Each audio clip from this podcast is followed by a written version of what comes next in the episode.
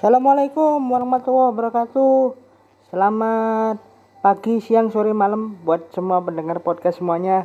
Ini balik lagi di Anti Mainstream Sunday Soccer Podcast kali ini edisi spesial edisi perdana setelah lebaran dan nggak biasa karena hari ini kita duet ada konten spesial SEA Games bersama dengan Surya Mardika.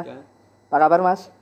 Alhamdulillah sehat mas. Sebelumnya minal Minal aidin wal faizin dulu. eh, pada pendengar podcast Sandy Soccer ya. Ya, untuk semuanya minal aidin wal faizin barangkali kita berdua bersama tim kreatif yang lain memiliki Salah. salah passing, salah tendangan yang melambung ke mana-mana. Mudah-mudahan Yang bisa dimaafkan. Yang penting jangan saling menyalahkan. Nah itu dia, itu kartu kuning bahkan kartu merah nggak boleh itu. Siap, siap. Nah hari ini spesial ya karena bulannya multi event, bulannya SEA Games dan SEA Games pun juga sudah dimulai.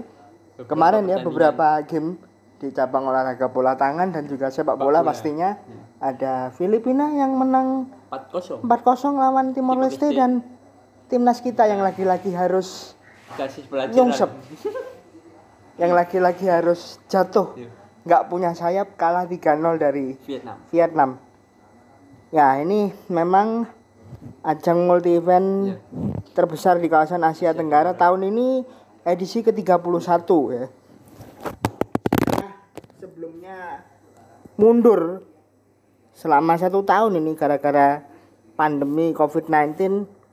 Nah, awal Mei 2022 ini Vietnam jadi fokus utama masyarakat Asia Tenggara karena tuan rumahnya mereka sekarang. Tapi kalau ditarik lagi mas, bagaimana sejarahnya awal digelarnya SEA Games ini namanya bukan SEA Games sebenarnya.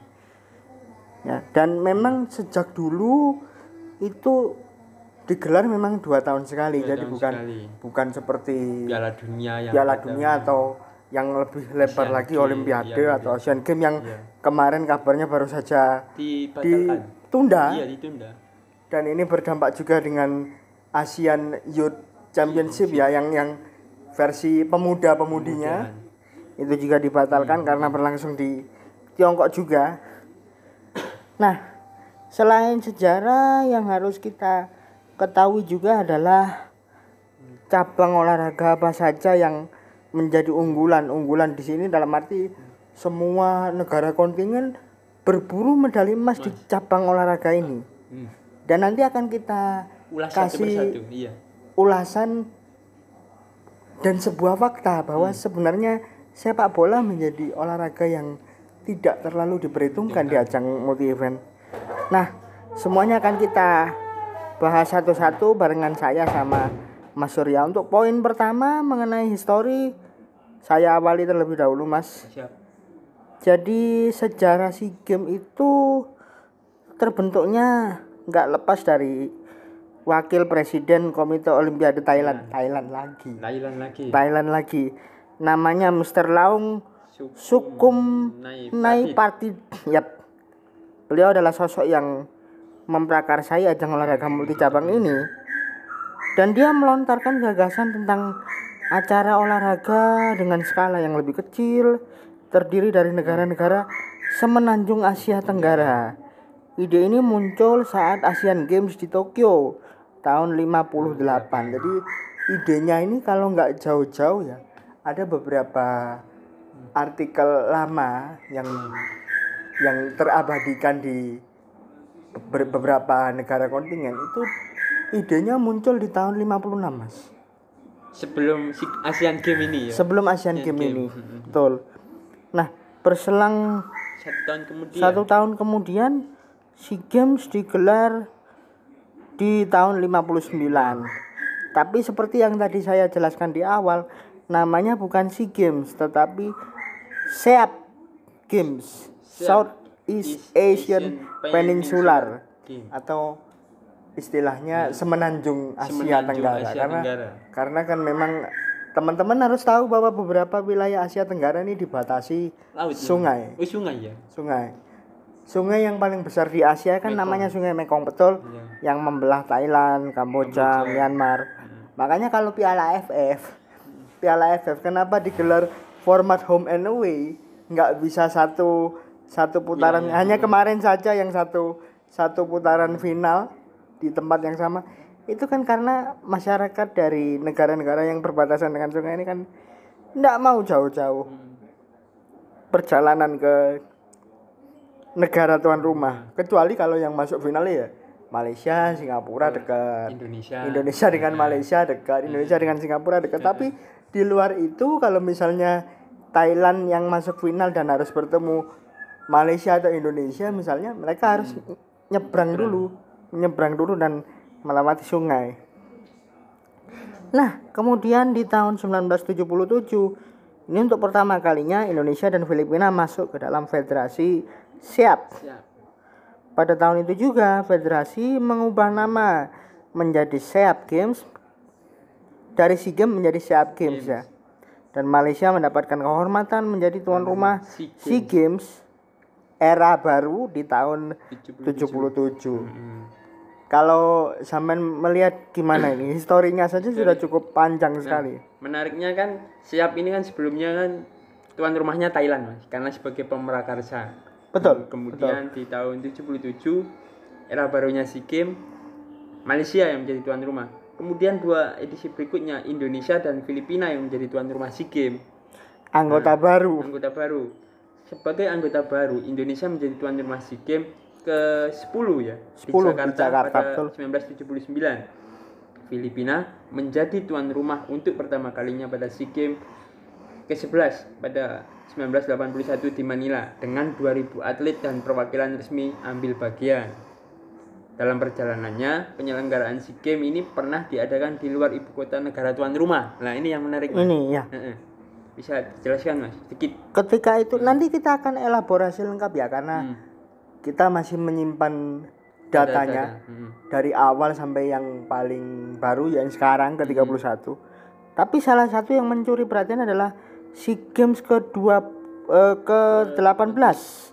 Ke-18 di Chiang Mai itu digelar tahun 95. Chiang Mai ini bukan ibu, Ibu kota kotanya Thailand. Thailand. Heeh. Thailand ibu Bangkok. kotanya Bangkok atau yang sekarang namanya Krungtep Mahanakon. Jadi masih bisa dipakai nama Bangkoknya tapi ada nama resmi dari departemen dalam negeri setempat yang sudah memutuskan rancangan undang-undang untuk nama baru. Hmm. Nah, yang di Chiang Mai ini pertama kalinya 10 anggota hadir lagi karena Kamboja is back. Sempat keluar dari keanggotaan tapi akhirnya Kamboja kembali. is back, ya. Cambodia is back, betul. Karena seingat saya, kalau Mas Surya pernah Hmm. mendengar histori namanya Kamar Merah. Kamar merah. Kamar Merah betul. Hmm. Itu salah satu tragedi politik terbesar di Kamboja dan karena itu sebenarnya Kamboja yang di edisi ketiga SEA Games ketiga itu seharusnya menjadi tuan rumah malah cancel, Batal. postpone betul. Kemudian di tahun 2003 anak baru Anak yang baru. kemarin jadi Timor Leste ini semuanya serba baru, Baru, ya. FIFA anggota anggota paling Baru. muda ya kan SEA Games anggota paling Iya. muda AFF juga anggota Paling paling, muda. karena Memang menjadi bagian dari negara kita, Mas, dulunya. betul dan Iya. di tahun 99 ya eranya Pak Iya. Habibie Memisahkan. memisahkan diri jadi Hmm. otomatis untuk semua event olahraga, Olahraga, baik itu sepak bola maupun olahraga secara keseluruhan Timor Leste memang Jadi anak baru baru. dan diresmikan pada SEA Games 2003 2003. di Ho Chi Minh City Di Vietnam. Iya. Vietnam jadi yang Vietnam yang sekarang artinya kan sudah berapa tahun ya dia tergabung di SEA Games ya sekitar Dua, 15 eh 18 dua ya sekitar 18 tahun tahun. Nah, mungkin di poin berikutnya, Mas. Sepertinya akan ada cabang-cabang Ya. tertentu yang akan dibahas. Selain sepak bola yang populer di beberapa multi event seperti Olimpiade dan juga Asian Games, cabang olahraga yang dipertandingkan dan atau dilombakan untuk pesta olahraga Asia Tenggara edisi kali ini akan ada 40 cabang olahraga dan 526 event yang dipertandingkan atau dilombakan. Untuk aturan olahraga apa saja yang dipertandingkan di SEA Games, setiap ada sinyal semua diatur dalam SI SIAGF Charter and Rules atau Piagam Aturan Federasi Pesta Olahraga Asia Tenggara. Hmm. Dalam aturan ini disebutkan bahwa setiap negara tuan rumah wajib menyertakan minimal 22 cabang olahraga untuk dipertandingkan dan dilombakan, di mana rinciannya adalah sebagai berikut. Dua olahraga wajib dari kategori satu yakni akuatik dan atletik. Akuatik berhubungan seperti renang, ya mas. Yap, Betul, atletik, lari, kemudian lompat indah.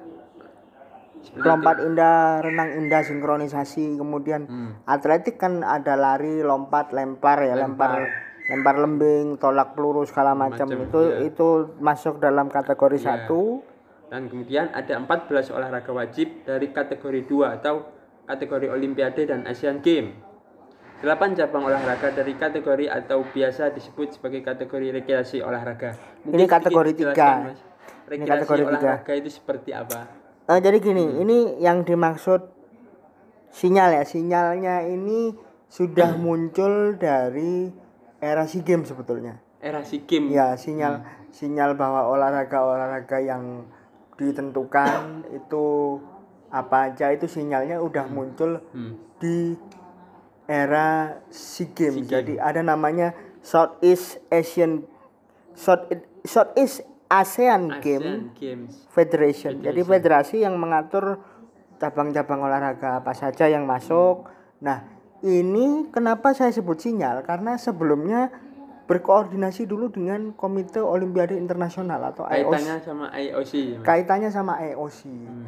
Karena IOC itu kan punya turunan dari OCA atau Olympic Committee Asia yang mengurusi masalah As- Asian Asia. Games yang batal, Asian Games yang batal Hmm. itu. Nah, itu diurusi oleh organisasi namanya OCA, Olympic Committee ASEAN. Kemudian turunannya OCA ya ini CAGF ini. CAGF. CGF, CGF. Nah, CGF ini karena sudah mendapatkan respon positif dari Hmm. IOC, akhirnya membentuk namanya CGF Charter and Rules, di mana di mana inilah aturan yang mendasari olahraga apa saja yang dipertandingkan dan atau dilombakan. Karena sem- tidak semua olahraga yang statusnya itu bertanding tapi juga lomba, Hmm. Lomba. misalnya. Misalnya kalau karate ada nomor karate kata karate yang seni bukan Seni, bukan pencak silat, mm, pencak silat yang seni bukan hanya pencak silat yang eh, tas tarung, Tarung. satu lawan satu Betul, bukan hanya itu tapi juga pencak silat yang seni. Nah rinciannya 22 yang yang Harus- minimal Mm-mm. dua kategori dua olahraga kategori satu kategori satu ini kategori wajib Hmm. karena apa medalinya banyak Medalinya banyak. medalinya banyak berapa jumlahnya nanti kita akan kita akan bongkar di sini juga Ya. yang kedua 14 olahraga kategori Asian Games dan atau Olimpiade. Olimpiade. Nah ini berkaitan mas. Biasanya kalau Asian Games itu olahraganya olahraga utama yang di Olimpiade juga ada. Mm-mm. Misalnya sepak bola, Misalnya sepak bulu bola, tangkis, bulu tangkis, voli, voli voli indoor ya, voli, Voli indoor. indoor. dan voli pantai. Kemudian untuk cabang olahraga yang kontak fisik seperti wushu, gulat itu juga Gulat. eh, itu juga apa eh, punya level kategori Level 2 dan ada ada satu kategori juga yang di 2013 itu naik level Mas. Menembak. Menembak ya. menembak Hmm, itu menembak. juga naik level betul. Dan delapan lainnya itu kategori tiga. Kategori tiga ini adalah kategori rekreasi. rekreasi olahraga. Olahraga rekreasi. Olahraga yang maksudnya hanya dimiliki oleh negara tuan rumah. Ya, atau olahraga yang sebelumnya memang statusnya eksibisi. Eksibisi. Contohnya kalau saya gambarkan itu seperti dayung naga itu mas.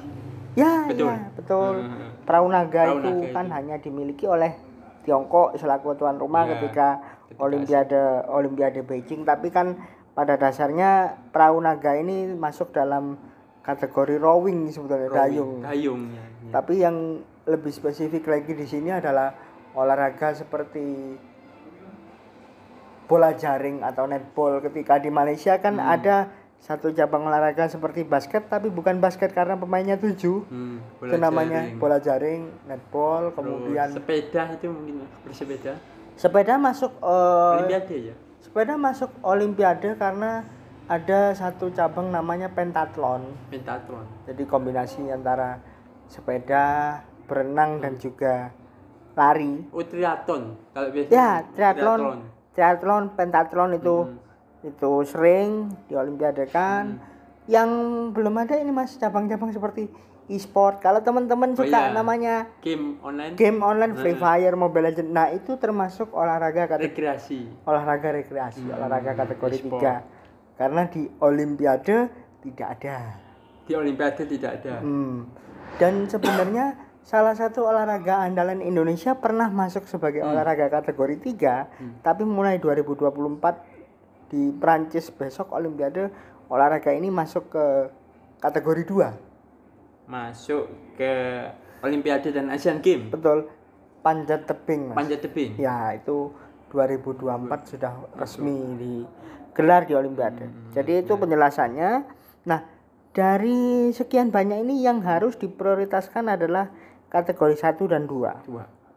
Jadi setiap tuan rumah harus punya minimal ya sekitar 16 lah, 16 cabang olahraga dari kategori 1 dan 2 karena kategori 1 dan 2 itu adalah wajib dan olimpiade. karena aturannya berpacu tadi Aturannya ya, aturannya memang memang begitu. tujuannya Hmm. Hmm, jadi jadi kalaupun ada kategori 3 itu kan karena permintaan tuan rumah. ya tergantung Ya. kondisi di- sosiologis tergantung kondisi bahkan di Filipina kemarin yang saya tahu itu ada cabang olahraga berdansa. Dansa mas. Dan saya ya, dancing. Itu menarik menarik. itu juga masuk kategori olahraga rekreasi karena sebenarnya olahraga dancing ini hanya beberapa negara saja yang yang mengadaptasi. Bahkan ketika di Malaysia pun dua kali olahraga bola jaring itu masuk sebenarnya. Hmm. dan yang unik kan ketika di Indonesia Hmm. olahraga sepatu roda masuk ya balapan sepatu, Sepatu roda, roda, itu gitu. masuk tapi ha- hanya sebagai olahraga rekreasi rekreasi jadi itu ya penjelasannya Hmm. 22 cabang yang utama, Utama. tapi di luar 22 pun juga boleh asalkan yang kategori 2 dan 1 harus masuk Terpenuhi. terlebih dulu Hmm. harus terpenuhi terlebih dulu iya iya nah ini bicara tentang olahraga tadi tentunya tidak lepas dari yang namanya medali mas Betul. nah, olahraga yang diincar menjadi lumbung medali setiap kontingen pasti mengejar predikat juara umum Itu dalam pasti. setiap ajang multi event termasuk untuk ASEAN Untuk SEA Games. Games. 2021 kali ini ini sebenarnya kan SEA Games 2021 mas karena Betul, betul. akibat pandemi mundur ke Ya, 2022 ini tambahan informasi saja untuk mendengar. Tercatat ada beberapa cabang olahraga yang bisa dijadikan sebagai lumbung medali untuk kontingen. Peserta di antaranya adalah cabang akuatik yang berhubungan dengan air kan. yang tadi kita sebagainya. yang Ya. tadi kita singgung cabang medali apa medalinya banyak Medalinya nah, banyak. nah ini rinciannya berapa silakan mas Iya, 61 medali emas mas. wih Karena cabang ini terdiri dari tiga nomor, yakni swimming atau berenang, fin swimming dan juga diving atau menyelam. Bisa dijelaskan sedikit mas, fin swimming ini apa? Mungkin Eh, gini yang fin swimming ini sebenarnya olahraga renang yang cukup langka karena kamu harus berenang Hmm. pakai sepatu kata berenang pakai sepatu kata. ya Beda sama menyelam ya. beda, Beda. dengan beda dengan menyelam. Menyelam. Tapi tapi ada cabangnya di fin swimming ini ada yang menyelam juga Hmm. ada gitu. Tapi utamanya kalau fin swimming itu biasanya dilakukan dengan cara berenang. Jadi Berenang. ada nanti yang yang nomor khusus dari Hmm. fin swimming ini yang menyelam atau berenang, Berenang. pakai alat bantu nafas juga ada. Oh, pakai kayak Iya. alat untuk diving itu juga. Mm-mm. Tapi areanya bukan di lautan lepas, Iya, di kolam melainkan di renang. kolam renang, Hmm, betul. betul. Selain akuatik mas, yang Ini. banyak lain? Atletik, Mas. Berhubungan dengan lari, kemudian yang sudah Mas Numo jelaskan tadi, lompat, lempar, kemudian dan sebagainya. Apa tolak peluru, Betul, itu kan betul, bagian betul. dari atletik juga. Kemudian ada atletik untuk cabang olahraga yang satu ini menyediakan 47 medali emas. Uh, Di total saja 61 ditambah 47 sudah hampir 108 itu, Mas. betul Iya kan? kalau satu dimaksimalkan. satu negara bisa menjadi negara yang dalam tanda kutip rakus rajanya rakus medali rakus medali emas 108 bisa selesai. dihasilkan dari dua cabang ini Separuhnya aja pun sudah bisa dipastikan. bisa juara dipastikan umum. juara umum karena Iya. biasanya kalau juara umum sebuah multi event medali emasnya pasti di atas 100 keping kan di atas 100 ya. pasti di atas 100 keping pasti itu untuk yang tahun lalu saja Filipina yang menjadi Juara umum. juara umum itu lebih dari 100 komposisinya 100 medali emas lebih itu Heeh. bahkan nomor dua Vietnam itu bisa mendapatkan sekitar 98 sekitar 98 98 ya, hampir Ya, 100 sembilan- tuh. hampir 100 Dan ini Mas, menariknya itu kalau di SEA Games atau Asian Games lah. Selalu tuan luas. rumah itu mempunyai privilege dengan kontingen yang lebih banyak dan juga berpeluang mencetak Juara juara, umum. umum. Beda dengan olimpiade yang memang uh, Chinese, Tiongkok masih mendominasi bersama Amerika ya kan. betul Terlepas siapa pun tuan rumahnya. ada ada Rusia juga yang Iya. yang mendominasi Hmm, menjadi tuan rumah juga pandanganku seperti itu mas. Kalau mas Nemo bagaimana melihatnya? Ya, kalau si game ini seperti yang tadi sudah Hmm. kita jelaskan di segmen sebelumnya ya bahwa ada kategori tiga mas, Cabang-cabang yang memang khusus yang tuan mereka rumah itu ya. yang jago. mereka bisa, Heeh. yang mereka mampu itu coba dimaksimalkan. Tetapi itu bukan yang utama karena Mm. eh, biasanya di ajang-ajang multi event ini em, banyak negara yang mengejar olahraga-olahraga olimpiade. Mm. Nah, untuk nanti perolehan juara umumnya dari masa ke masa siapa saja mungkin bisa saya sampaikan nanti ya karena Iya. kita harus menyelesaikan ini ini dulu. dulu. Nah, selain 47 dari cabang atletik karena memang atletik ini nomornya banyak sekali. ada Nomornya yang banyak. ada yang di- ada yang menyebutnya sebagai dasar lomba atletik. Jadi 10 lomba atletik dimainkan semuanya mulai dari lari Lari. sprint yang 100 meter, Maraton, maraton, kemudian lompat, lompat tinggi, lompat, tinggi, jauh, lompat jauh, kemudian ini kan ada Lompat- lari gawang juga, lari gawang, dan yang terakhir ada lempar lembing, ada tolak, tolak peluru juga. Ini menjadi satu satu paket mas, nggak Iya. nggak bisa dipisah. Bahkan IAAF sendiri atau International Athletic Federation Hmm. sebagai yang paling tinggi, federasi paling tinggi di cabang olahraga lari, ini menggelar Piala Dunianya sendiri dalam Piala dunianya ya, bukan Piala sepak bola Dunianya ya. sendiri, ya betul, bukan hanya sepak bola. Mm-mm. Dan selain atletik tadi sudah disampaikan Hmm. Mas Surya ada 47. Ada kak Ada juga cabang olahraga menembak yang menyediakan 22 dua medali emas. medali emas. Kemudian gimnastik juga menyediakan 21 mas. Betul. Yang terdiri dari tiga nomor, yakni aerobik, artistik dan juga ritmik. Nah, artistik sama ritmik ini kan identik dengan senam, gitu ya mas? Betul, gimnastik sebenarnya Gimnastik ya. gimnastik sebenarnya garis besarnya adalah senam. Senam. Hmm. Hanya saja kalau kalau aerobik kan ya seperti senamnya Senam ibu-ibu. Iya. ibu-ibu PKK. Tapi ini lebih tubuh. lebih ke kompetisi. Yang yang jadi acuan utamanya adalah Mhm. ritmik dan juga artistik, Artistik, karena iya. ini selain bagaimana mencari nilai dan bagaimana mencari Keindahan itu. keindahannya mas ada kan ada yang Gerakannya. bang, gerakan di atas bangku yang Iya, iya, apa, iya. yang Indah. itu. panjang itu kemudian ada yang gelang-gelang juga Iya, yang mungkin kayak hula hoop itu. Iya, ya. yang dari Amerika ini yang biasanya biasanya jago. Amerika Rusia itu Ya, memang orang-orang Eropa Timur dengan posturnya yang memang menunjang, Mas. betul Ya, betul dan di Asia sendiri mungkin ya, Korea, Filipina Ya. kalau Asia Tenggara ya Filipina kemudian Vietnam. Vietnam Singapura menjadi unggulan di cabang olahraga ini Betul, betul. poin berikutnya mas Poin di berikutnya ini negara dan kota yang pernah menjadi tuan rumah Nah. SEA Games. Ini kembali lagi seperti yang Mas Nemo tadi jelaskan di awal. Karena ada beberapa negara yang bukan ibu kota jadi tuan rumah. tapi jadi tuan rumah betul Yang pertama tak sebutkan ya Mas. satu-satu pelan-pelan Ya, gelaran yang pertama dilaksanakan di tahun 1959 di Bangkok.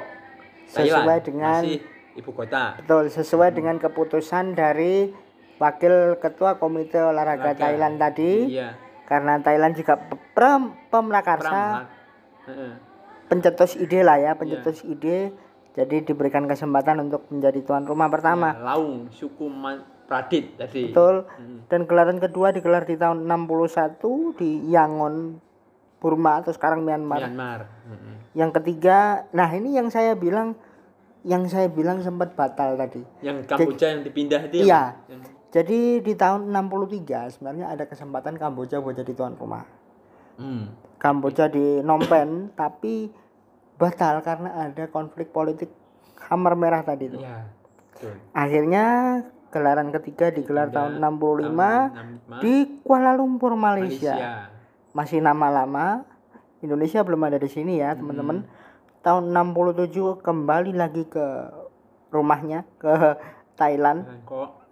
ke Bangkok, kemudian di tahun 69 ke Myanmar lagi. Myanmar lagi. di tahun 71 ke Malaysia ke Kuala Lumpur di tahun Kemudian 73 73 di gelaran ketujuh di Singapura ini untuk pertama kalinya ya. Singapura jadi tuan rumah. Singapura ini memang tidak memiliki negara yang sebesar negara-negara lainnya ya mas? Menjadi Betul, ne- betul, negara paling betul. dalam tanda kutip negara kecil wilayahnya tapi kecil sekali perkembangannya luar biasa. perkembangannya luar biasa. Di tahun 73 di Singapura di tahun 75 ini merupakan edisi dari era terakhir SEAP Games tahun 75 dan di menjadi awal si game juga ya mas di Bangkok, Thailand. Thailand kembali lagi ke rumahnya sebenarnya. kembali lagi ke Eh, rumahnya. Nah, di tahun 77 inilah era baru digelar di Malaysia, Kuala Lumpur di SEA Games ke-9. ya. Gelaran ke-10 di Jakarta, Indonesia tuan rumah pertama kali Indonesia ya tahun 79 dan 79 eh, per- pertama kali itu juga Indonesia mulai me, me- apa ya, memunculkan rivalitas terbuka kalau soal juara umum dengan Thailand. Thailand Betul.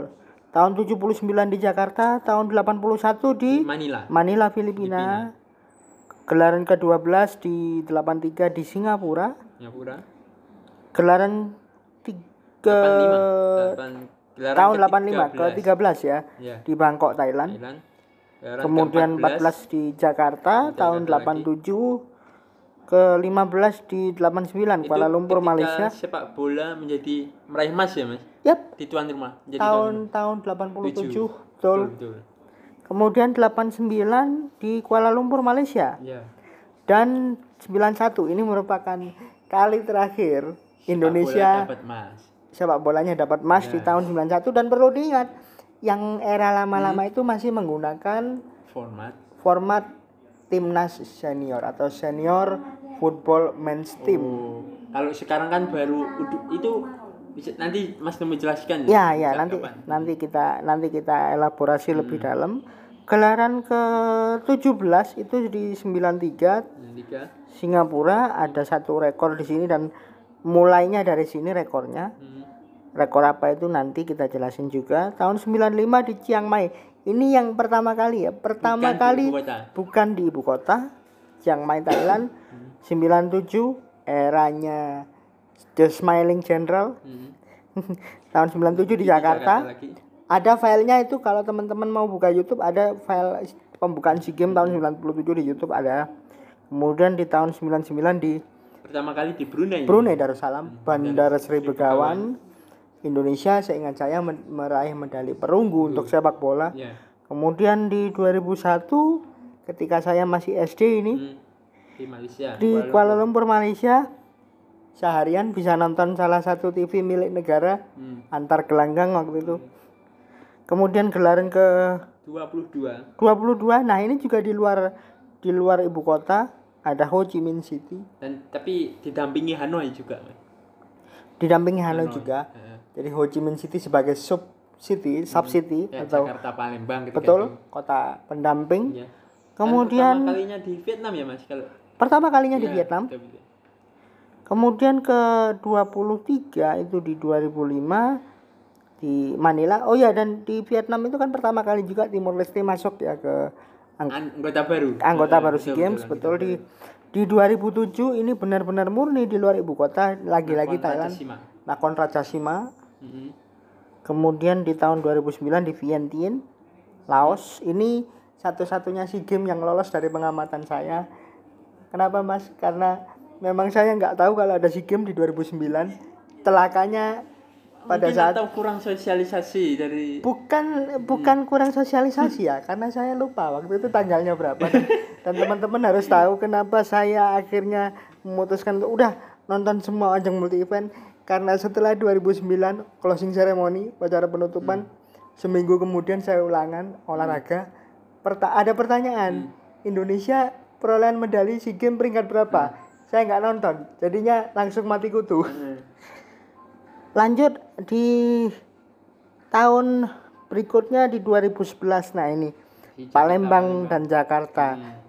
Eh, pagelaran utamanya di Palembang ya mas Hmm. jadi Jakarta kali ini sebagai Malah subsidi pendampingnya. Hmm, Jakarta sebagai pendamping kemudian di 2013 ada beberapa tempat nih ada Naipitau ada Yangon, Yangon, Mandali, ada Mandali ada Ngwe Saung sebenarnya di luar Hmm.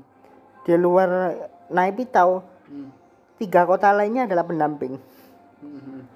karena memang eh, di 2013 ada politik yang bergejolak dan akhirnya Myanmar pindah ibu kota sebenarnya. pindah ibu kota ke Naypyidaw kemudian di 2015 Singapura di 2017 Kuala Lumpur Malaysia yang dua musim lalu atau dua tahun lalu tahun di lalu. Filipina Di di, Filipina. Bacolod bukan di Bacolod. Manila ya Bukan di Manila. bukan di Manila jadi ada beberapa beberapa tempat ada Bacolod ada Manila ada Bokawe yang sebenarnya di luar Manila ini sebenarnya bukan bukan kota bukan kotanya Gibol mas Bukan kotanya Gibol. bukan jadi Lebih Mani- ke basket di sana. lebih ke basket betul lebih ke basket kemudian Cat itu, bukan? eh, kalau kriket lebih ke arah India mas kalau Filipina itu basket kemudian dancing Dansa tadi. Ya, ya. jadi mengapa mengapa olahraga dansa masuk di sini ya karena karena karena itu gitu. Dan tahun 2022 ini di Vietnam, tepatnya di kota Hanoi, kemudian di provinsi Puto atau ibu kotanya namanya Viet Tri. Jadi itu ya data di mana sejarah panjang SEA Games tuan rumah dan kota-kotanya, negara-negaranya. Kemudian Mas kalau bicara tentang rekor jumlah atlet yang berpartisipasi. Ini tercatat sejak tahun sejak SEA Games tahun 93 jumlah atlet yang berpartisipasi bisa mencapai 3000. 3000 orang betul bahkan Hmm. rekornya pernah 5000 dan sempat bertahan beberapa lama tetapi akhirnya pecah akhirnya pecah Hmm. Pecah Dipecahkan di 2011. 2011 itu Palembang Jakarta. Palembang Jakarta total atletnya yang berpartisipasi 5965. 5000 betul itu bukan hanya atlet ya tapi sekaligus ofisialnya ini dihitung. Ada 5965 jadi inilah SEA Games yang jumlahnya atletnya paling banyak dan cabang olahraganya juga paling banyak di pertandingan. 43 waktu itu. 43 yang berikutnya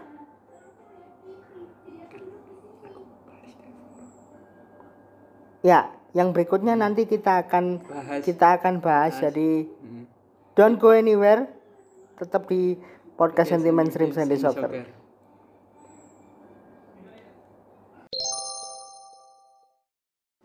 Kita lanjut lagi mas. Setelah tadi Ya. ada iklan Iklan. sedikit ada iklan sedikit tadi terakhir kita bahas Di total atlet Mas sebelumnya. total jumlah atlet 5.965 dan itu merupakan yang terbesar sepanjang sejarah sepanjang sejarah Games. perhelatan SEA Games. Hmm, betul, Karena beberapa kali yang saya tahu dari datanya itu SEA Games jumlah atletnya pas 5000 itu beberapa kali.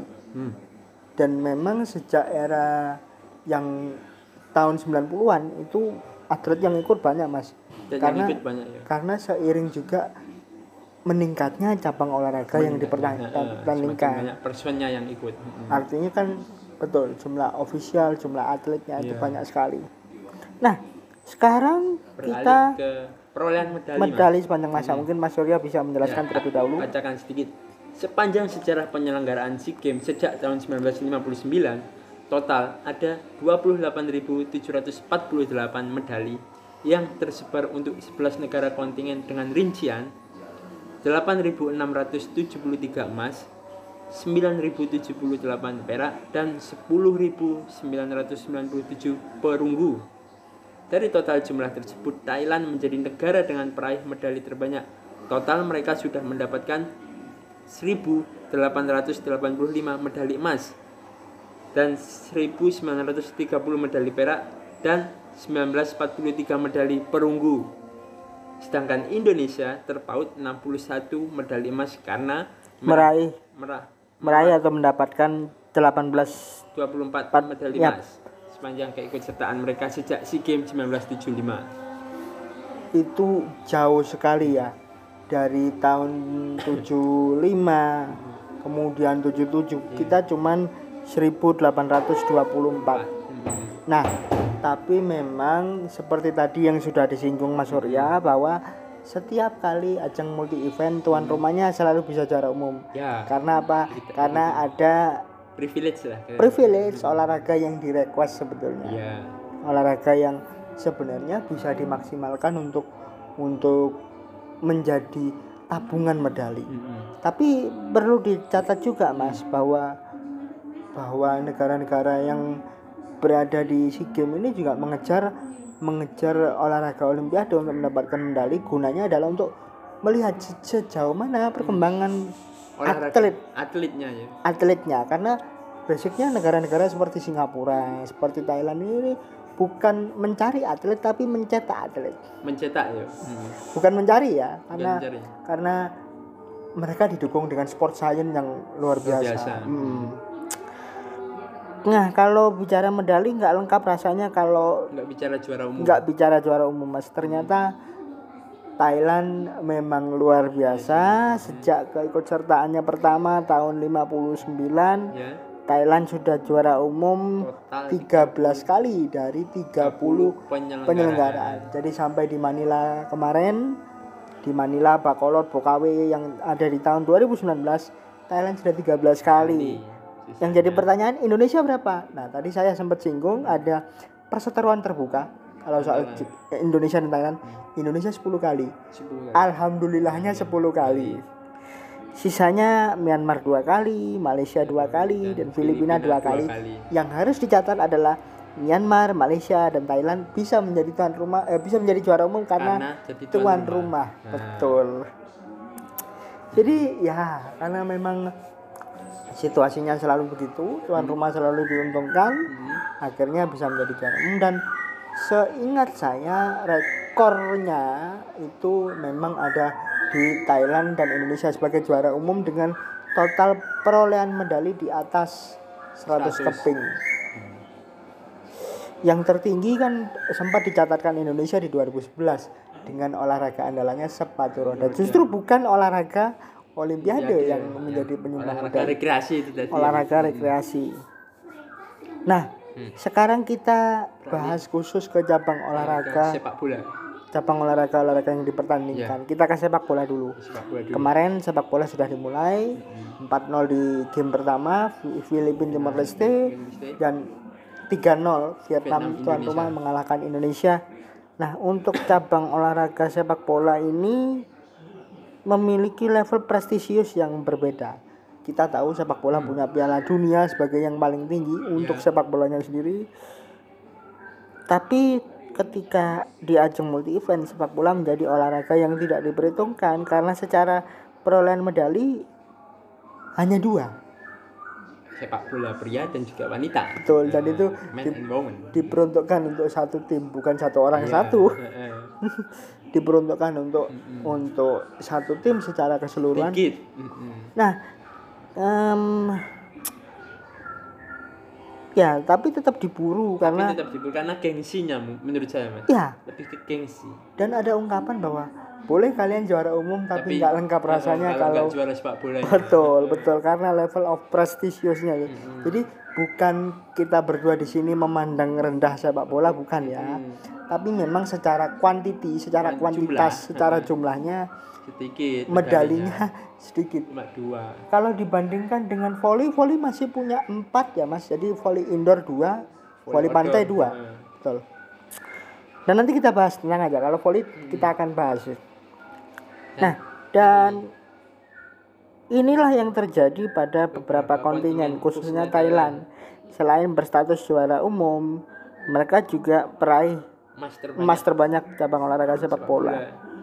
total negeri gajah perang atau Gajah putih. orang-orang menyebutnya gajah putih 16 kali mas. Juara si game SEA Games. 16 kali sepak bola. Bahkan Thailand menjadi satu-satunya negara yang punya rekor sebagai peraih medali emas untuk sepak bola putra selama 8 periode SEA Games. Bayangin 8 Berturut-turut periode. SEA Games dan itu terus. Berturut-turut terjadinya kapan? Mulai tahun 93 di Singapura sampai 2007. 2007 di Nakhon Ratchasima Thailand. Dan yang bisa menghentikan yang bisa menghentikan laju Thailand Malaysia. Malaysia ketika di Laos itu ya di, di 2009 Iya. dan kebetulan saya baru tahu juga kemarin yang tadi cerita menariknya. Ya bahwa Malaysia ini yang berhasil membawa mereka medali emas adalah orang yang mengalahkan kita di AFF 2010 hmm. Mr. Raja Kopal Isyamani Raja Gopal Iya. orang India. Krishna Mani Raja Gopal. Itu adalah orang yang membawa Malaysia meraih medali emas. Luar biasa. Dan 2011 lagi-lagi Indonesia kalah sama Malaysia. Malaysia. Badrol itu Badrul Bakhtiar betul. Aktornya. aktornya Badrul Bakhtiar nah selain itu ada fakta menarik lain dari cabang olahraga sepak bola ini yakni dari 11 kontingen yang ada baru 7 mas. 7 negara saja yang berhasil ke- masuk ke dalam daftar peraih. medali untuk cabang olahraga sepak bola. Yang pertama itu yang pertama Mas. Thailand jelas. Kemudian Malaysia Myanmar Vietnam Indonesia Singapura dan juga Laos. Nah ini menarik. Ada beberapa negara yang belum ini. Kalau saya lihat Singap apa Kamboja belum. Kamboja belum Timor Brunei. Leste baru Mm-mm. juga belum. Brunei. juga belum. Kemudian ya. sudah. Kamboja Timur Leste Iya. Brunei. Ini yang yang belum ya? Tiga negara yang belum ya? Mm-mm. Mm-mm. Mm-mm. karena tujuh tujuhnya ini udah masuk semua ya. Ya Thailand Malaysia Myanmar oh Vietnam. Filipina juga mas? Oh ya Filipina, juga belum. Ya lepas tadi. Ya ya Filipina juga belum. Jadi ada empat negara yang Filipina sebenarnya punya potensi dengan pemain-pemain keturunannya sebenarnya. Betul. tapi, tapi kalau kalau dilihat dari trennya, Trennya. Filipina tidak pernah menganggap sepak bola ini sebagai ajang yang bergengsi Iya. karena bukan kekuatan utamanya. iya betul betul. Kekuatan utamanya Vietnam ada di basket, betul. Baik itu basket yang konvensional yang 5 lawan 5 atau tiga lawan tiga itu juga basket three kuat mas betul 3 on 3 itu juga kuat nah Singapura dan Laos menjadi dua negara yang belum pernah meraih medali emas tapi masuk ke dalam daftar medali peraih medali. Oh iya iya. Singapura sudah meraih tiga medali perak dan tujuh medali perunggu sedangkan Laos hanya meraih satu medali perunggu yang mereka dapatkan di cabang olahraga sepak bola SEA Games tahun 69 di Myanmar. Sudah lama sekali itu. Nah. Hampir 50 tahun lebih. 50 tahun lebih. Dan ini yang ditanyakan Mas Surya tadi dan teman-teman juga pengen tahu kalau yang dulu itu pakai senior tim kalau yang sekarang bagaimana? U23 U23 atau kita menyebutnya adalah Men's Olympic Football National Team. Hmm. karena U23 inilah yang nantinya menjadi wakil di Olimpiade. di olimpiadenya. Betul. Lewat mana jalurnya? Lewat kompetisi Piala Asia U23 dan sekarang grade-nya sedikit diturunkan. Menjadi U22 betul. Mm-mm. Tapi apa pun itu entah U23 atau U22 kita menyebutnya tetap sebagai Men's Olympic Football National Team. Karena arahnya itu ke Olimpiade Ke Olimpik. itu. Betul dan ini di- ditujukan untuk ajang multi event Hmm, betul. nah. Dan untuk catatan ini Sarayut Caikam D menjadi pemain dengan jumlah gol terbanyak mas 9 sepanjang gol. masa untuk gelaran SEA Games. Dengan 9 gol ya mas. Dan menjadi top skor ketika itu di SEA Games tahun 2001 di Malaysia Kuala Lumpur. Eh, dan hingga saat ini belum ada pemain lain yang bisa menyamai rekor tersebut. Dalam satu gelaran mencetak 9 gol. Oh ya, ya. Sebenarnya ada peluang ketika pemain Indonesia menjadi top skor di 2011 ya? 2019 kemarin. Oh iya. di 2019 2019 kemarin itu kalau kita lihat datanya kan ada beberapa nama ya. Sebentar kalau kita buka di sini ya. kalau kita buka di sini datanya ada pemain Indonesia yang yang pernah ya yang pernah mendapatkan gelaran itu. Hmm. kalau kita buka di sini sebentar datanya masih loading. Iya. kita buka dulu. Ya, karena memang podcast ini natural ya mas. Natural ya. Banyak sekali kita data-data yang harus dibuka. Ini data-data yang harus dibuka banyak sekali. nggak main-main ini datanya. Mm-mm. Valid. dan sekali lagi ya Indonesia pernah punya peluang karena ada satu pemain kita yang bisa mencetak 8 gol mas. 8 gol hampir. 8 gol hampir hampir menyamai. hampir menyamai hampir menyamai rekornya Sarayut. Sairayut Cai Kamde. Ya ini kita masih cari. cari bagaimana data lengkapnya. Ini sepak bola mana ya? Oh ini dia. Ya. Nih nah kita geser dulu ke Manila. Manila. Kita geser dulu ke Manila bahwa di Manila sekali lagi ya yang putra juaranya Vietnam runner upnya Indonesia. Peringkat tiganya adalah Myanmar. Ya. Men's competitionnya kita akan buka dulu. buka dulu kita akan pantau nah total ada 29 gol di sepak bola putra nah ini dia nah ini Osvaldo Hai. mantan pemain persebaya Persebaya Surabaya lagi Mm-mm. Osvaldo Hai bersama dengan Ha Duk Chin dari Vietnam Mm-mm. menjadi pemain berstatus top skor dengan 8, 8 gol. hampir Karena memang Osvaldo Hai waktu itu menjadi salah satu key player Key juga. player. Itu hampir menyamai rekornya Sarayut Kamde. Nah, sepanjang sejarah juga ketika menggunakan format, format. tim Olimpiade, ada tiga orang pelatih dari luar Asia Tenggara yang berhasil mengantarkan mengantarkan sebuah negara meraih gelar medali emas cabang olahraga sepak bola SEA Games. Mereka adalah Doljis Otkar dari Ceska CSKA yang dapat medali emas bersama dengan Thailand di di 2001 2001 di Kuala Lumpur.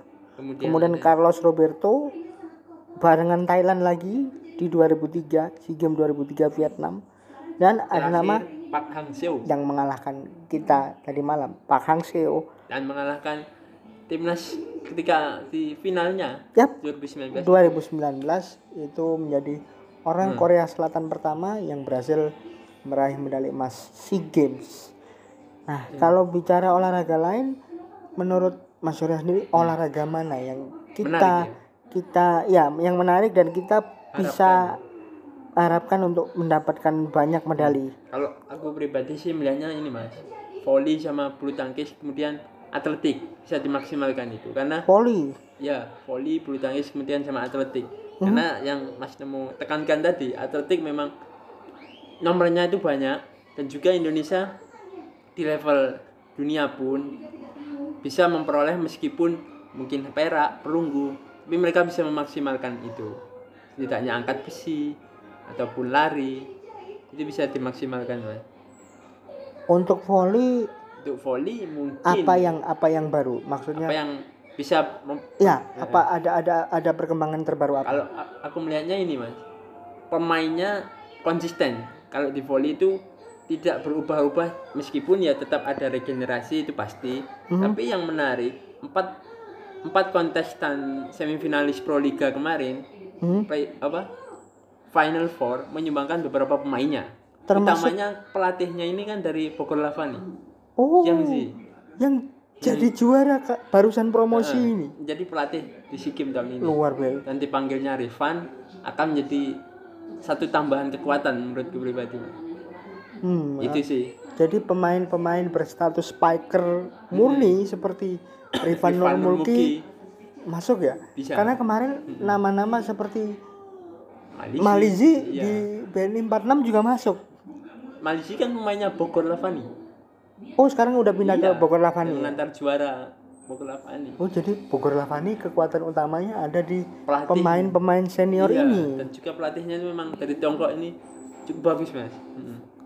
Em, di final mengalahkan sama Thor justru yang dijagokan yang paling kuat. iya Bogor Lavan ini sebenarnya tim baru kan tim kejutan Mhm. tim debutan tapi mereka bisa mengejutkan Eh, sempat ada kritik juga mengenai yang putri mas iya iya bagaimana mas yang putri ini sayangnya Hmm. beberapa pemain bagus tidak diambil Hmm.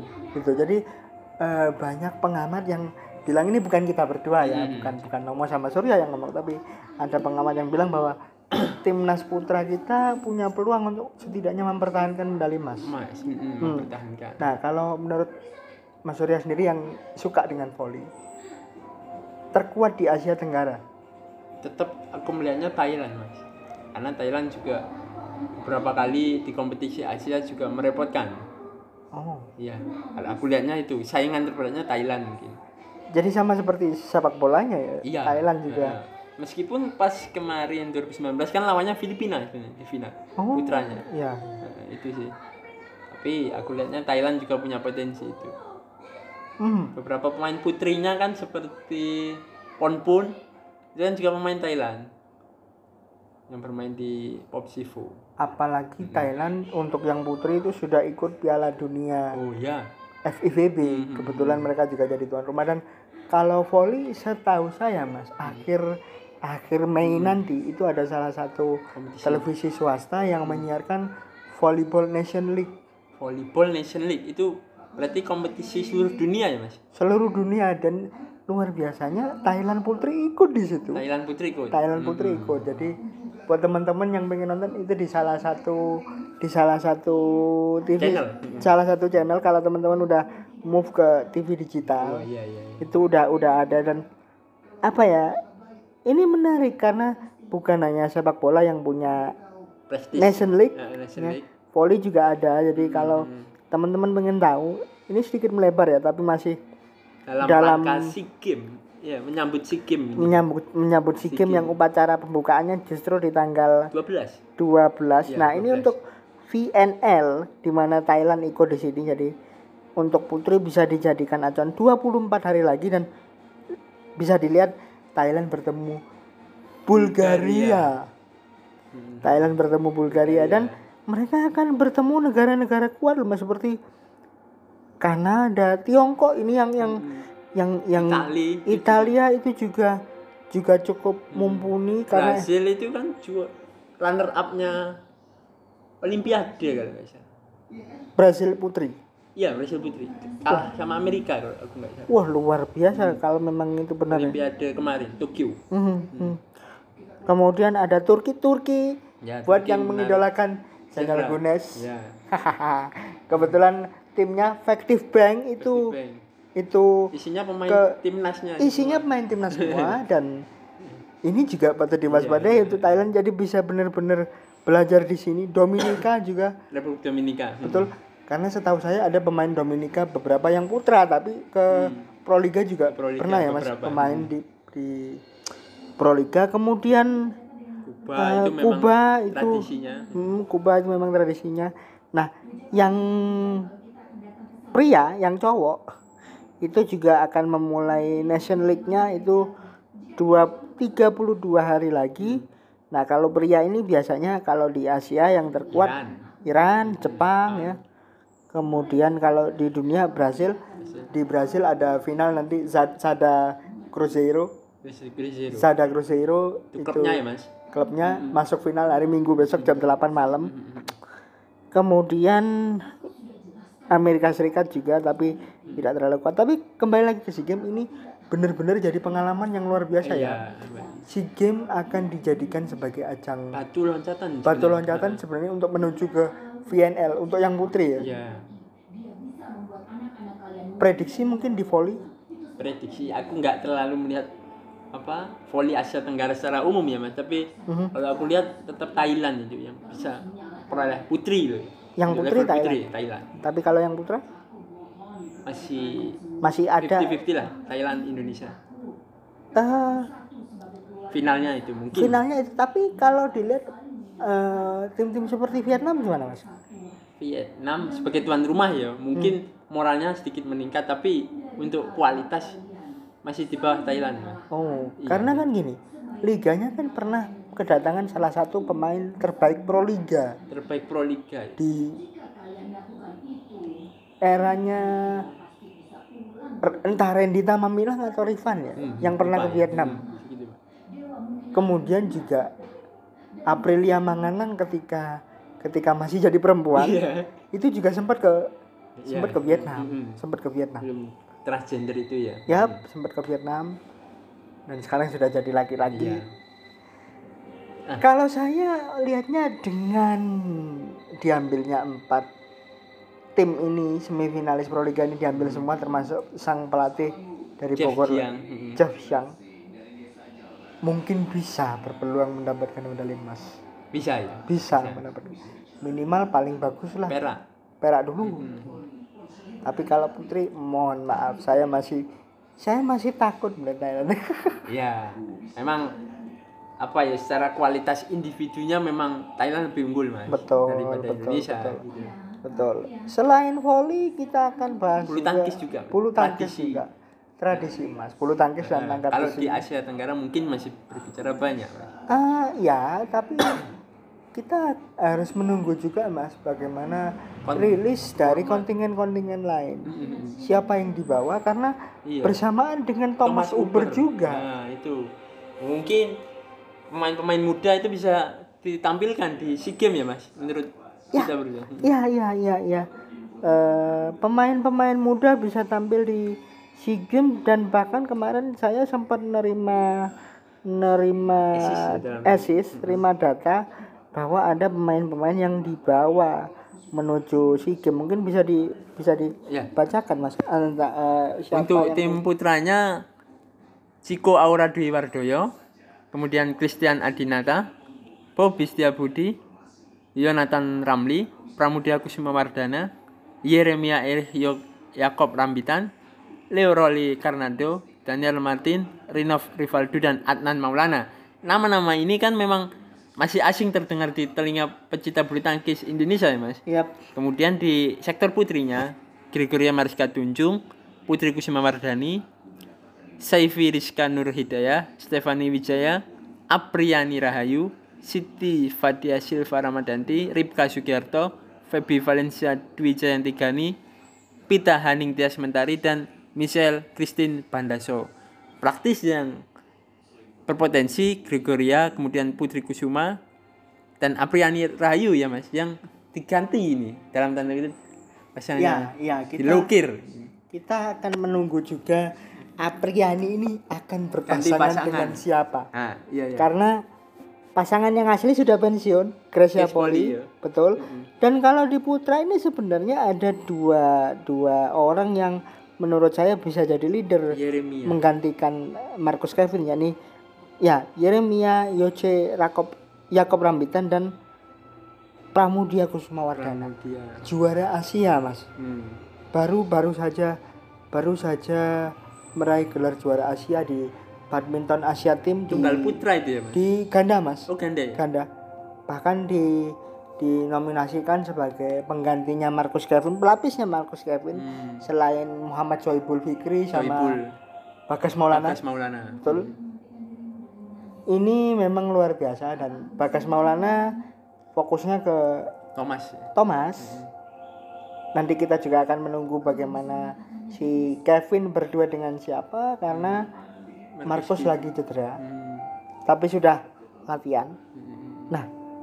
Selain nama-nama ini ada nama baru mas yang ada di Leo Roli sama Daniel Martin. Hmm.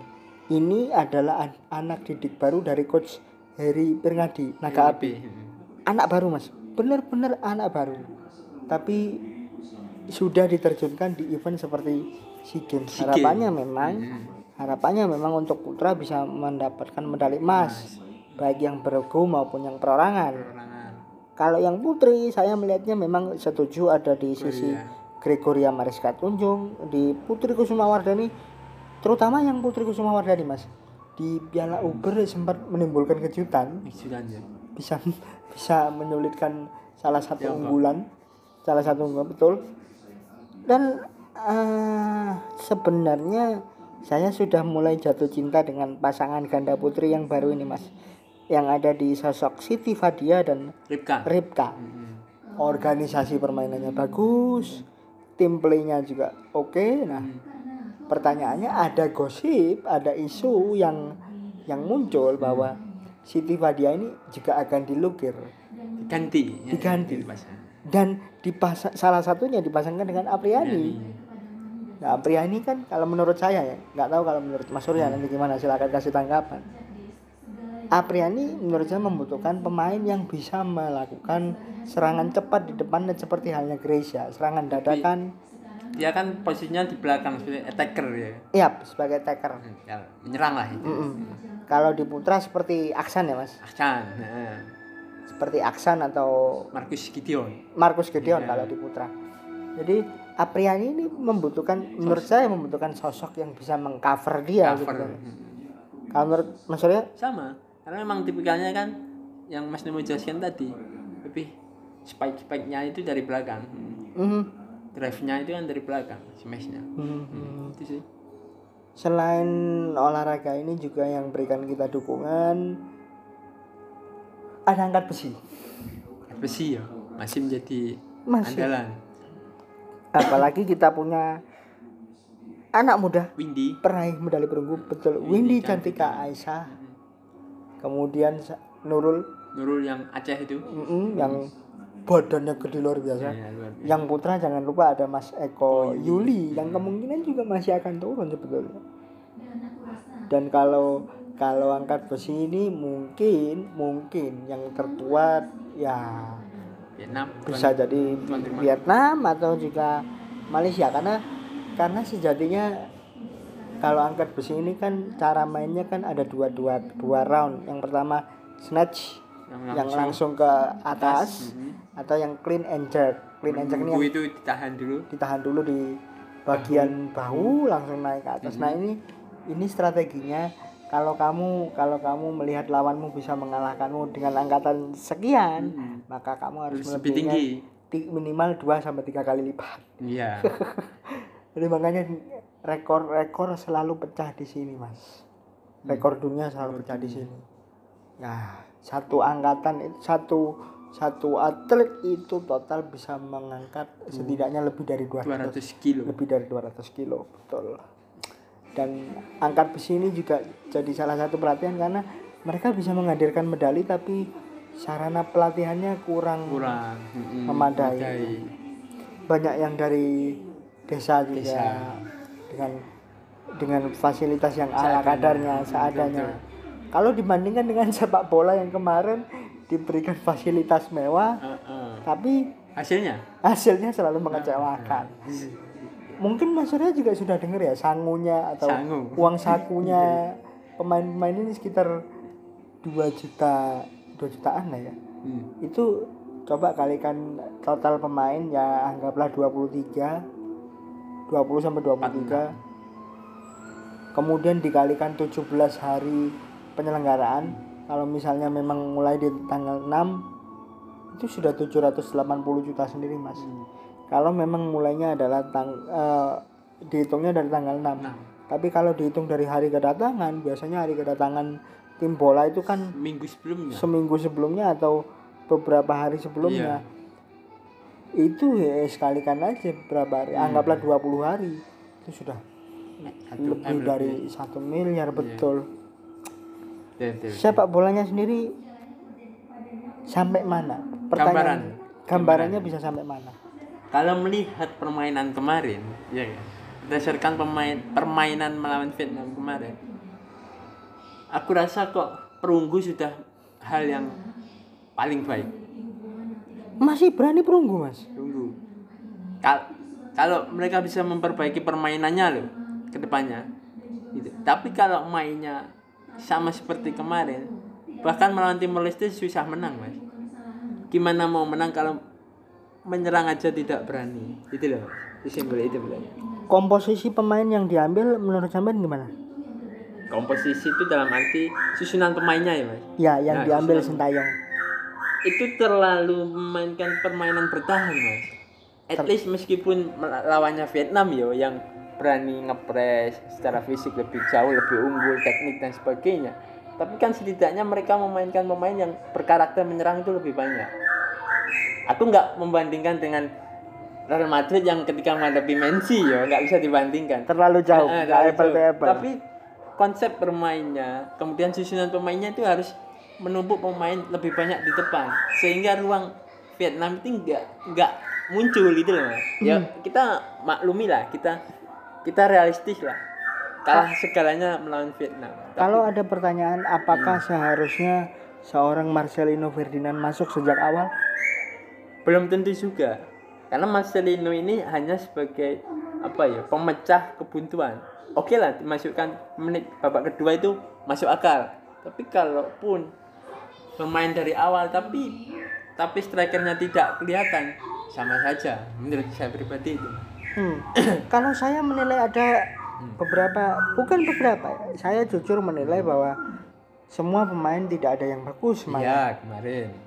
Bahkan ada pertanyaan besar di balik pemanggilan kenapa harus Marklock? Kenapa harus Marklock? Mungkin banyak di antara pendengar yang menganggap bahwa aliran bola lebih bagus. Iya, tapi sejujurnya Mark itu mendelay permainan. Iya. Itu loh. mendelay permainan justru membuat alur bola jadi lebih lambat. Lambat. Padahal seharusnya kalau kita lihat di Persib ini kan dia sebagai kreator. Mm-mm, attacking midfield. Mm-mm. Mm, Harusnya kalau menurut saya ya, menurut saya ini Iya. bisa bekerja sama dengan Ricky Kambuaya. Mm. Seharusnya Maklok tidak ada apa ya, tidak ada poin semalam menurut saya nggak nggak ada jelek poin. Kemudian ada satu lagi, kenapa nama ini harus dipanggil lagi? Saya saya tidak suka. Bukan bukan kurang suka, tapi benar-benar tidak suka pemain pemain ini dipanggil. Fahrudin Arianto. Farudin Arianto. Beberapa kali striker Vietnam yang nomor 9 yang tinggi itu, Nguyen Nguyen Tin Lin Kini. lepas Dan gol ketiga Mas Nemu lihat itu karena kesalahan Farudin. kontribusi kesalahannya Fahrudin Aku Arianto. jadi inget back di Manchester sana Mas. yang biru atau yang merah? Yang merah. Oh, yang merah. yang merah yang nomor 5 itu. Iya. Enggak usah disebut. Iya, nggak Nggak usah disebut itu. Hampir mirip seperti itu, Mas. ya, oke lah kipernya memang salah, tidak bisa mengantisipasi, tapi awal kejadian gol itu kan juga kan Kontribusinya. Mm-mm, Gitu. kontrolnya tidak bisa. Itulah. Terus soal ini, Mas. Ini kita bahas juga isu yang agak panas. Mm-mm. Katanya Indonesia timnas sepak bolanya diperlakukan Tidak adil. tidak adil oleh tuan rumah. Menurut sampean dulu gimana? Sebenarnya, Mas, faktor-faktor hal-hal seperti itu kan sudah banyak terjadi loh. Bukan hanya SEA Games, Asian Games ataupun apa. Piala dunia juga sering terjadi. Tapi apakah itu menjadi alasan? Begitu loh. Ha- Harusnya itu dijadikan motivasi. Oh, kita diperlakukan seperti ini, ayo tunjukkan gitu loh. Bikin mereka sakit hati gitu loh. Dengan cara kita. Dengan cara kita gitu. Entah meskipun nggak menang lah, nahan imbang, permainan cantik itu lebih ada kesannya gitu. Jujur kemarin pribadi gitu, kemarin kalau kalau kita jadi juri dalam tanda kutip Indonesian Idol misalnya. Ngomong bisa ngomong. Bisa ngomong. Sampean kasih nilai berapa? Nanti giliran saya. Empat. Tiba lima. Ada reason ada alasan? Karena nggak berani menyerang itu tuh. Kurang determinasi ya? Iya. Pegang bolanya masih banyak yang salah kontrolnya passing kontrolnya. Mhm. itu dasar belum lagi pembacaan permainan itu kan berbicara lebih jauh mas tentang pembacaan permainan. Yang paling dasar kan kontrol passing itu dulu. Itu sih kalau Hmm. dari pandangan. Kalau saya mohon maaf nih pendengar ya mohon maaf. Saya kasih nilai dua mas. Dua? Dua? Kenapa? Masih ada nilainya lah. Masih ada nilainya. Karena kesalahan terjadi di semua lini mas. Di semua lini Di bukan semua hanya lini. belakang ya? Bukan hanya belakang bukan hanya tengah bukan hanya- di semua lini lini belakang tidak fokus menjaga seorang Iya, Tin Lin. fokus. lini tengah kurang kreasi. Kurang kreasi. lini teng eh, lini tengah kurang kreasi dan lini depan seakan-akan ini pemain bingung mau ngapain gitu loh. Nah. turun ya. enggak turun. Turun tidak turun akselerasi naik juga. Enggak penempatan posisinya juga tidak terlihat. Goalkeeper oke eh, 60 menit pertama bagus masih bagus tapi fokusnya. sepak bola bukan 60 menit sepak bola itu Bahkan 90. sepak bola bukan 90 menit kalau bagi tim-tim Eropanya. iya Sampai peluit akhir dibunyikan. ketika wasit sudah Bisa membunyi meniup final whistle Eh, peluit itu panjang hasil. itu adalah hasil akhir yang menurut saya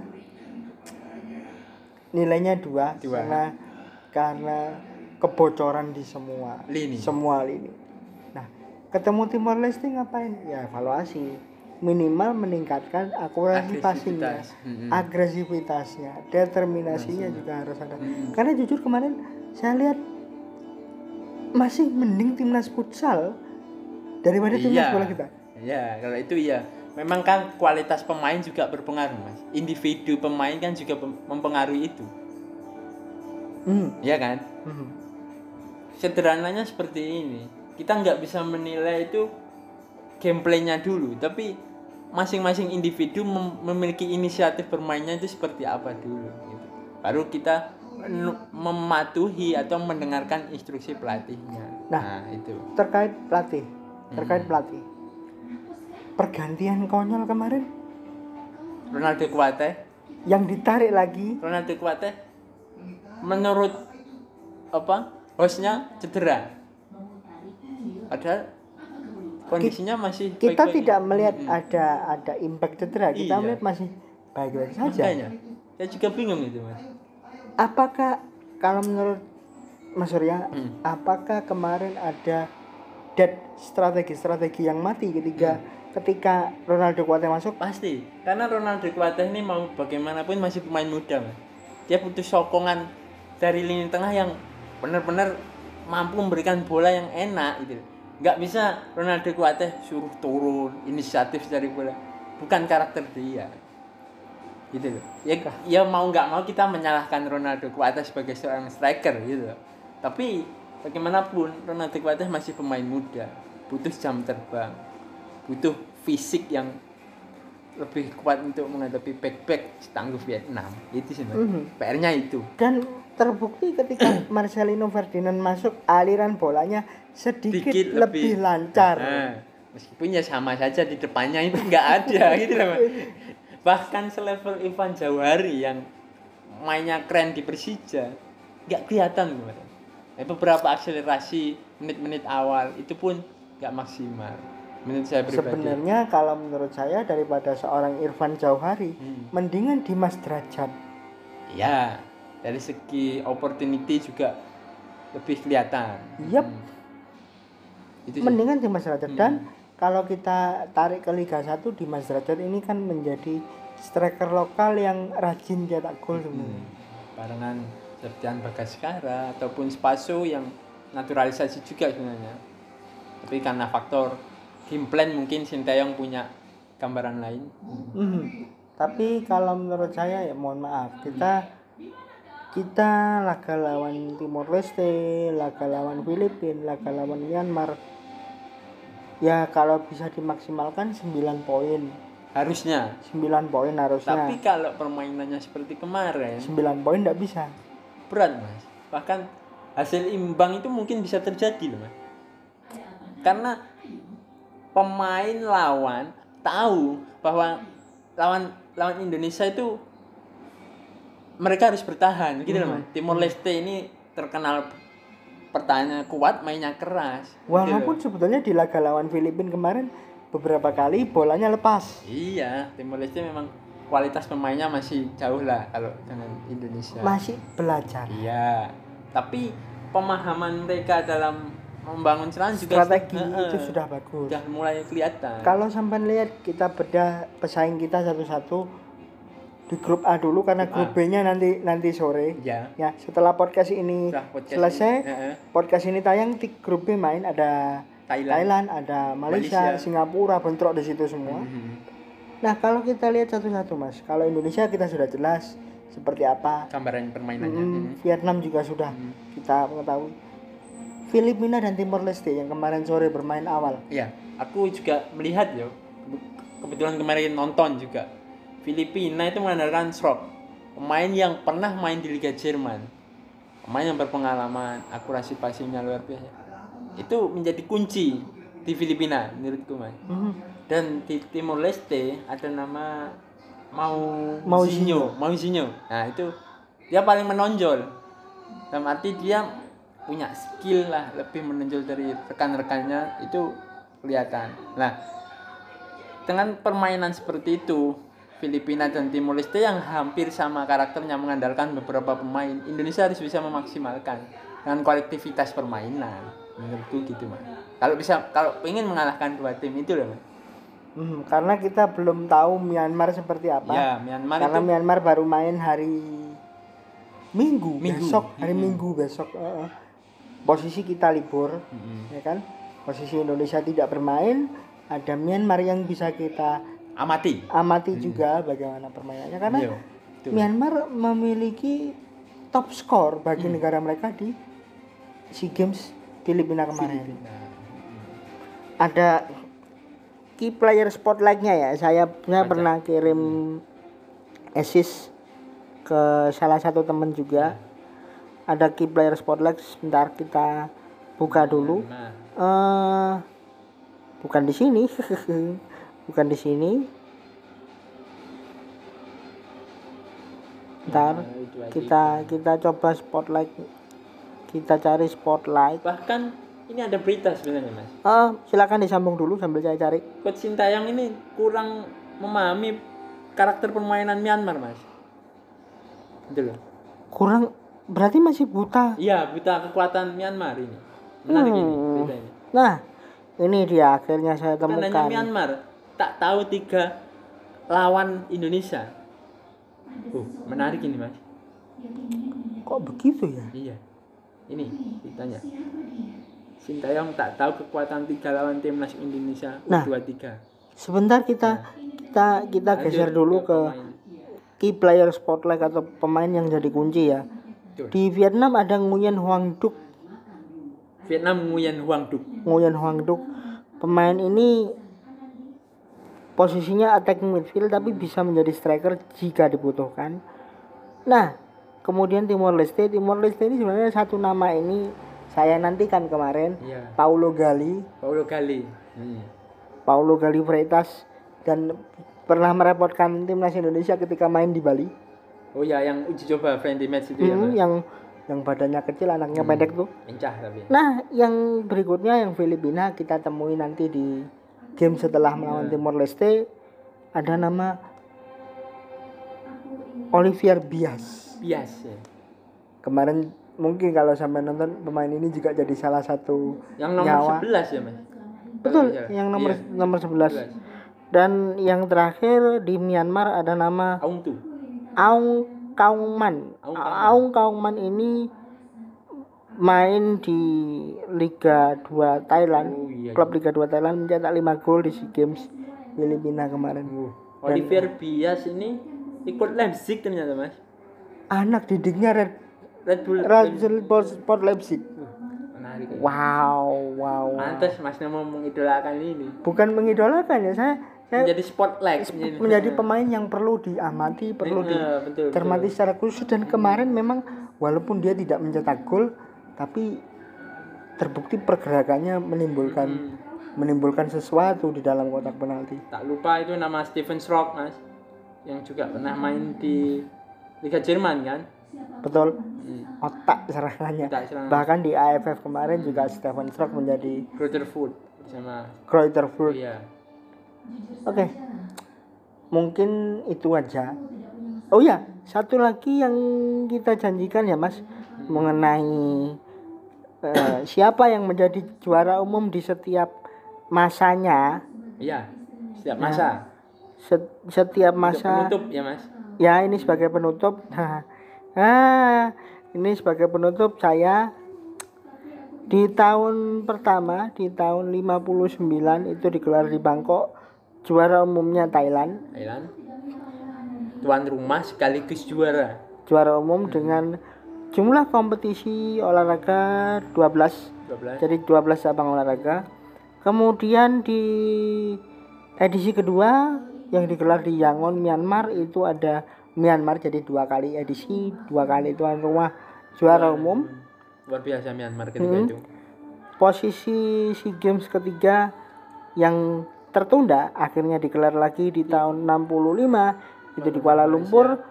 Juara umumnya adalah Thailand. Thailand lagi dan SEA Games berikutnya juga Thailand lagi yang juara di Bangkok. Tuan rumah lagi juara umum. Kemudian di SEA Games kelima di Yangon ada Myanmar. Myanmar betul. Masih dominan Myanmar Thailand Myanmar Thailand. Masih masih. Bahkan di SEA Games ke-6, 7 dan 8 yang digelar di Kuala Lumpur, Singapura dan Bangkok di tahun 71, 73 dan 75 juaranya juaranya adalah Thailand Thailand. semuanya. Artinya sudah berapa? Sudah 6 juara umum Wah, di luar biasa Thailand 6 juara umum di 6 edisi perdana ketika eh, di 8 edisi perdana ketika masih bernama Siap Games. siap Nah, di tahun 77 Indonesia Jadi- masuk pertama kali dan langsung jadi juara umum. langsung juara umum maka maka itulah saya saya sebut sebagai perseteruan terbuka karena kebetulan Kuala Lumpur jadi tuan rumah. Jadi kita juara di rival juara di kandang kutip. Hmm. juara di kandang rival. Eh, nice. Kemudian di Jakarta Indonesia lagi juara umum. Lanjutnya di Manila Indonesia juara umum. Di Singapura Indonesia juara empat umum. kali berturut-turut Empat kali berturut-turut. Anak baru empat kali mas. Luar biasa tapi itu dulu ya itu dulu. Yang berikutnya, yang berikutnya setelah Thailand beralih ke Bangkok, Thailand la- Thailand lagi. Jadi yang ke tujuh, gelar ke tujuh. Kemudian dibalas Indonesia mas. Dibalas Indonesia di Kuala Lumpur, di Manila tahun 91, di Singapura 93, di Chiang Mai. Empat kali langsung. Jadi langsung mencetak 8 juara umum dengan status sebagai newcomers dari tahun Quadrik kuatrik lagi dari tahun 87, 89, 91, 93. dan itu sepak bolanya juara emas juga dapat emas 87 Yang sama 87 sama 91. 91 Iya. Jadi eh, Era-era baru itu. baru dua kali sebetulnya. itu ya. Mas Nomo pas lahir itu tahun segitu ya Mas Saya 92, Mas. belum lahir berarti Belum lahir. Saya masih belum muncul. iya iya Kemudian di belum tahun menikmati masa betul. Kemudian di tahun 95 iya. si game yang agak aneh karena bukan di ibu kota itu Thailand juaranya, Thailand. status Chiang Mai sebagai tuan rumah. Kemudian dibalas Indonesia lagi di Jakarta. hmm. jadi Jakarta juara umum hmm. tahun 97 lima eh, cuma tujuh 97 itu jadi juara umum. Kemudian di Brunei Thailand berhasil jadi juara. Sempat absen beberapa tahun karena Malaysia ternyata masuk dalam persaingan. Di tahun 2001 Malaysia juara umum. Kemudian 2003 Filipina 2003 di Vietnam, Vietnam juara oh ya umum. Vietnam dulu 2005 Filipina, 2007 dan 2009 Thailand juara umum. Kita baru juara umum lagi di 2011. ketika jadi tuan rumah Mm-mm. Jadi puasanya 97 2097 2007 14 tahun. 14 tahun. 14 tahun puasa juara umum. Dan setelahnya dominasinya Thailand dua kali 2013 2015 Malaysia. 2017 Malaysia 2019 Filipina. Dan itu Malaysia sama Filipina ketika menjadi tuan rumah juga ya Mas? Ketika menjadi tuan rumah juga. Tapi ada data dari Komite Olimpiade Asia yang tidak menghitung secara resmi perolehan umum untuk medali di SEA Games Malaysia karena ada pemain yang kena skandal doping. doping ya Hmm.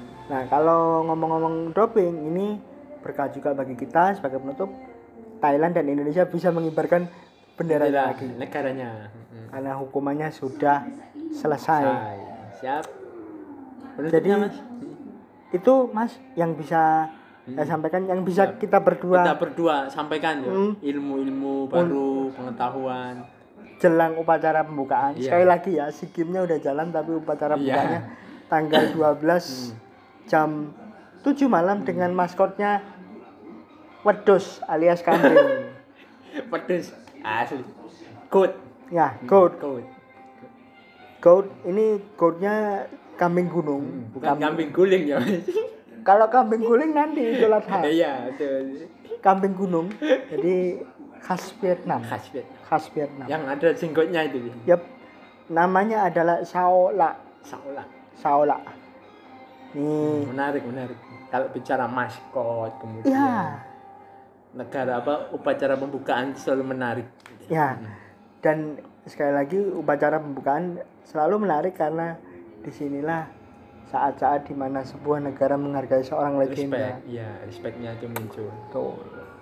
Nah, nantinya akan ada 40 cabang olahraga yang siap nemenin kalian semua. Semuanya sudah kita gambarkan di podcast ini. Ya, Sekali lagi ketika podcast ini rilis, ketika tayang bersamaan dengan game yang nanti sore ya untuk grup B. ya. Nah, untuk untuk tim sendiri ya, untuk untuk timnasnya. Kalau kita lihat yang paling banyak memang tuan rumah karena Vietnam menerjukan 955 atlet dan juga ofisial. Indonesia 650 600 650 atlet dan ofisial. Hmm. dan mengambil di beberapa cabang ya. Kalau kita lihat di sini sebagai penutupnya Indonesia akan berpartisipasi di cabang panahan, atletik, badminton, basket, kemudian bodybuilding. Bodybuilding ini kayak ini. apa ya? Senam, senam, tapi arahnya ke dancing lagi, bowling, bowling, boxing, tinju, boxing, tinju, kano, Kano, dayung, catur, catur, cycling, sepeda, e-sport, e-sport. E-sport ini yang turun nanti. Mobile, Mobile Legend yang yang PES enggak ada. PES ada Oh, PES tapi ada. PES ada tapi tapi untuk ini yang yang konsol yang Xbox ya Xbox Oh, atau iya, PS4 saya kurang tahu Iya, itu iya, iya. Yang Tapi yang- ada PES ya. Bola. yang penting ada PS-nya tapi pakai Ultimate jadi satu orang pegang iya, satu konsol kemudian ada fencing fencing ini anggar Angger. Fin, Fin swimming, swimming, yang tadi renang pakai pakai katak. sepatu katak kata. kemudian sepak football, bola, futsal. sepak bola futsal futsal ini juga harapan walaupun sebenarnya futsal sempat nggak berangkat ya. Hampir nggak hampir nggak berangkat Hmm. Kemudian Golf. ada golf, gimnastik, gimnastik senam ada Judo. judo jujitsu karate, karate Kickboxing. pencak silat andalan juga asli Hanif. Indonesia. Hanif yang Hmm. dulu pernah dapat Asian Games mungkin juga masih ada di sini kemudian Rowing. rowing dayung yang Dayung. besar yang jumlahnya lebih dari satu orang. Kemudian sepak takraw menembak berenang taekwondo tenis lapangan, tenis lapangan tenis lapangan ini eh, Priska Madeline Hmm. kemudian triathlon, triathlon triathlon ini yang tadi yang lari Sepeda. renang sepeda. Kemudian Beach ada volleyball, voli pantai, pantai, indoor voli indoor. voli indoor ini mudah-mudahan harapan Iya. kita untuk medali ya.